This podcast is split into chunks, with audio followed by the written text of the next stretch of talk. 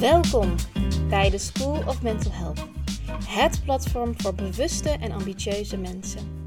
Ik ben Anaïta, ik ben life coach bij de School of Mental Health en speciaal voor jou interview ik diverse mental health experts, van coaches tot aan psychologen.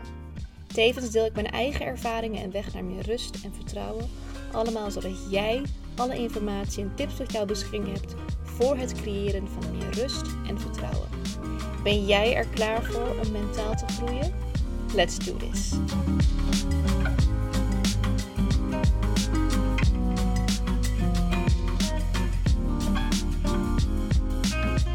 Welkom bij de tiende les van de School of Mental Health.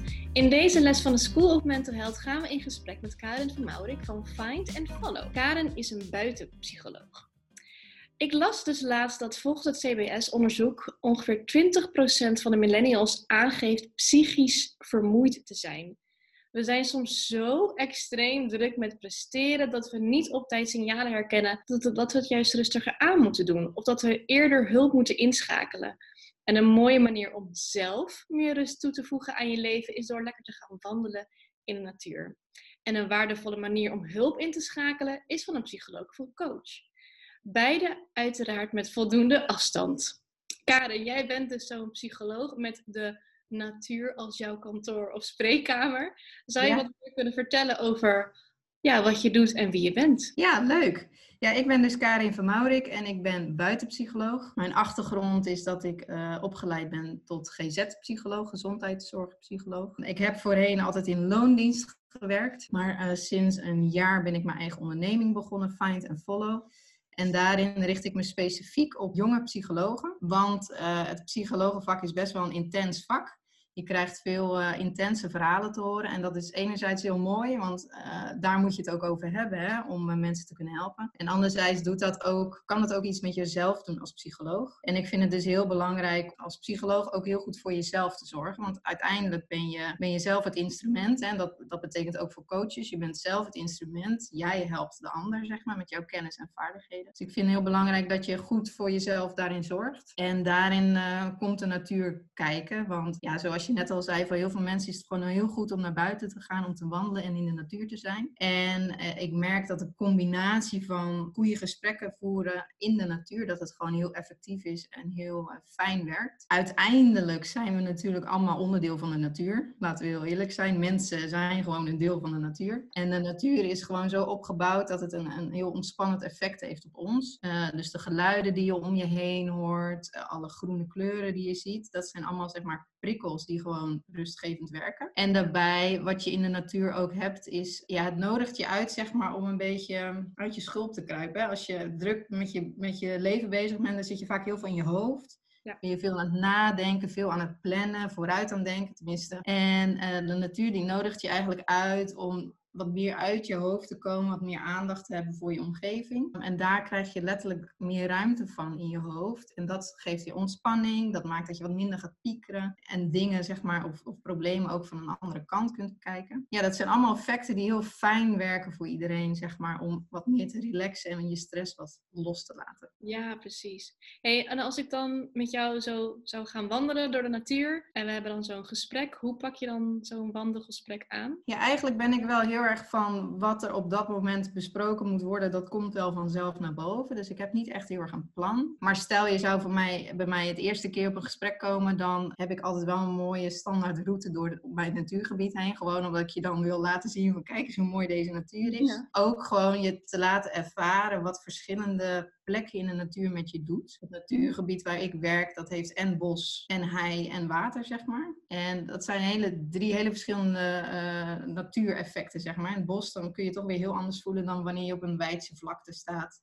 Oh, wow. Of wanneer je bij het water bent, zeg maar. Dus stel je zou bij mij voor het eerste keer op een, op een gesprek komen, dan zou ik je toch wel een soort rondleiding geven. Hm. Ja, het is eigenlijk ook een soort kennismaking, hè? want voor veel mensen die zijn toch wel gewend om als je, als je hulp gaat vragen, dat je dat doet in een in een spreekkamer, hè, bijvoorbeeld bij de huisarts. En in het eerste gesprek probeer ik mensen ook wel echt te laten ervaren van, joh, uh, hoe is het om dat in de natuur te doen, zeg maar? En wat levert het je dat op? Hoe ervaar je dat? En ik krijg eigenlijk altijd te horen dat mensen het heel, e-, ja, gewoon heel prettig ervaren, zeg maar. En echt wel een meerwaarde vinden ten opzichte van... Wauw, mooi. En heb je nog andere tips om meer ontspanning te halen uit, uit zo'n wandeling? Ja, er zijn wel een aantal uh, simpele trucs eigenlijk die je kan, kunt toepassen. Bijvoorbeeld de eerste is, mensen zijn geneigd als ze gaan wandelen, zeg maar, een beetje de gehaastheid en de tempo aan te houden die je meeneemt vanuit je dagelijkse leven.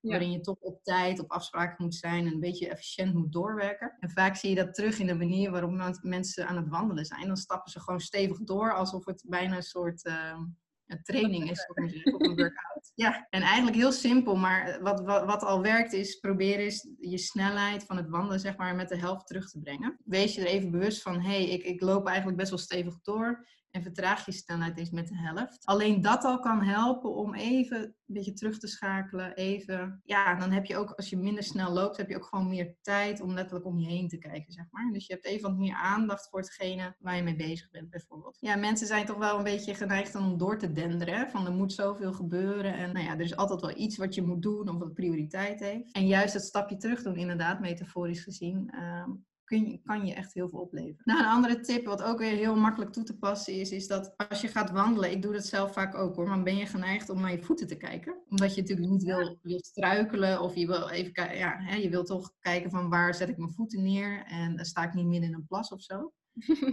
maar naar beneden kijken is precies een houding, zeg maar, waarin je het makkelijkst piekert. Hmm. Als je aan het piekeren bent, misschien heb, ken je dat van jezelf, ben je vaak een beetje in jezelf gekeerd. Dan kijk je letterlijk naar beneden en dan is het eigenlijk dus gewoon de houding waarin je het beste kunt piekeren. En dat wil je dus eigenlijk niet als je, als je wil ontspannen, wil je juist niet piekeren. Dus wat kan helpen is heel simpel om, ja, eigenlijk gewoon letterlijk je kin wat op te liften en zeg maar horizontaal te houden. En dat zorgt eigenlijk direct al voor dat je wat minder gaat piekeren, wat meer ruimte in je hoofd krijgt. En het is ook weer de, de houding waarin je dus het meest om je heen kunt kijken, zeg maar.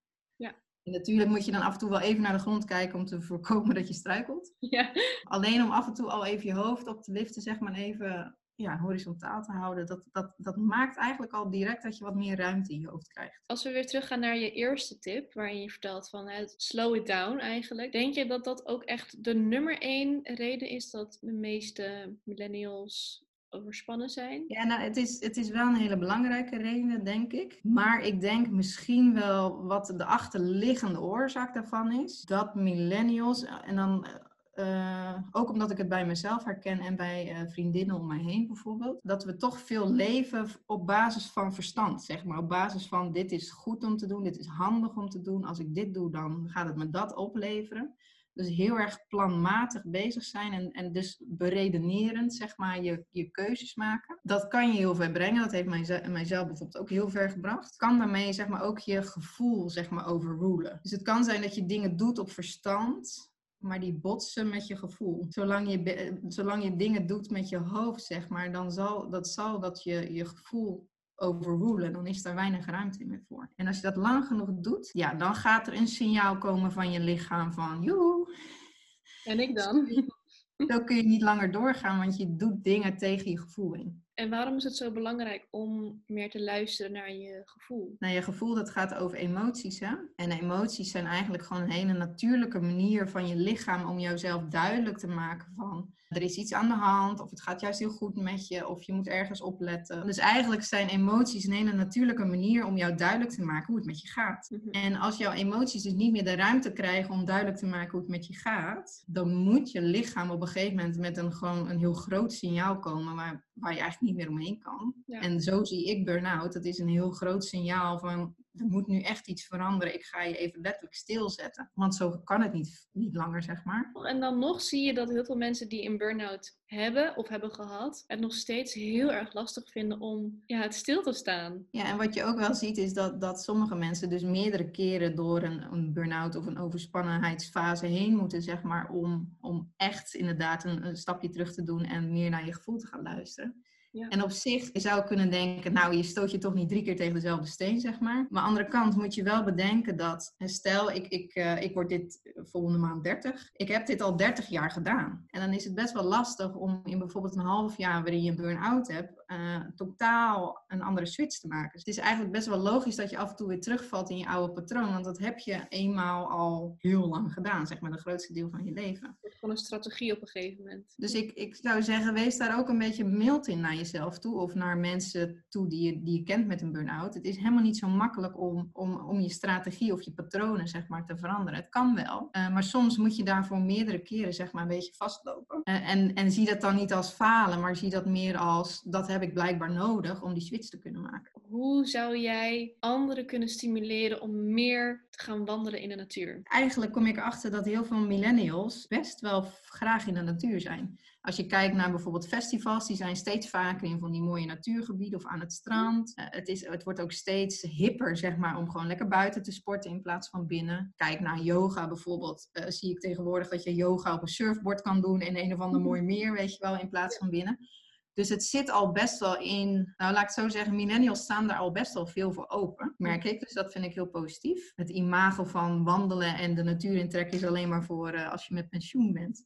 Dat is gelukkig wel wat aan het veranderen. Dus ik denk dat daar nog niet eens, daar, daar hoeven we denk ik nog niet eens zo heel hard in te stimuleren, zeg maar. Maar uh, ik zou zeggen, als je dan de natuur in gaat, wees je dan bewust van bijvoorbeeld die twee tips die ik eerder gaf, van hoe je nog meer uit je wandeling kunt halen. Hoe je die wandeling nog meer in kunt zetten om even je reset knop in te drukken, zeg maar. Ik denk dat dat voornamelijk belangrijk is. Want volgens mij gaan millennials, mensen van onze leeftijd, al best wel veel naar buiten en zien ze best wel de meerwaarde van in de natuur zijn. Oké, okay, dus stap 1 is slow it down. Dus echt letterlijk wat rustiger gaan lopen. Stap 2 is denk aan je houding. Wat is dan de volgende stap? Nou, je zou dus kunnen denken om bijvoorbeeld jezelf een opdracht te geven. En wat ik bijvoorbeeld heel leuk zelf vind om te doen is fotograferen. Het is niet dat ik daar goed in ben, maar ik vind het wel leuk om te doen. Gewoon met mijn eigen smartphone, zeg maar. En, um, en, en dan, ga ik, nou, ja, dan ga ik op zoek naar iets waarvan ik denk, hey, dat ziet er interessant uit. En probeer ik dat zeg maar van verschillende manieren te fotograferen. Totdat ik een foto heb waarvan ik denk, oh, dat is best wel een mooie gelukte foto. Dus het kan helpen om jezelf zeg maar een opdracht te geven, zodat je daarop kunt focussen. Maar als je jezelf een opdrachtje geeft om op te kunnen focussen, dan uh, wordt dat overweldigend effect wat minder, zeg maar. Het is niet alsof het dan niet gebeurt. Er komen er nog steeds gedachten en emoties naar boven en dat is ook prima.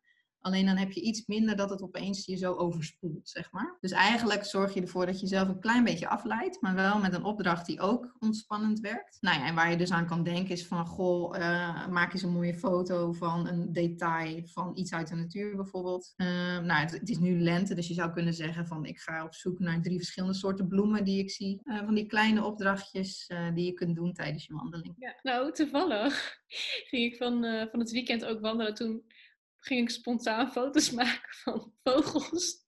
Nou, goed idee. Ja. Nog nu een nieuwe hobby, vogelspotter.